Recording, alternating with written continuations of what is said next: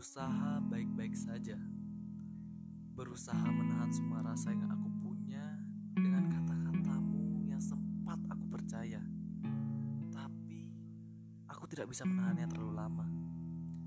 Kalau kamu ingin bersamanya, silahkan. Tapi kalau kamu mau denganku, tolong selesaikan itu dalam waktu tiga hari.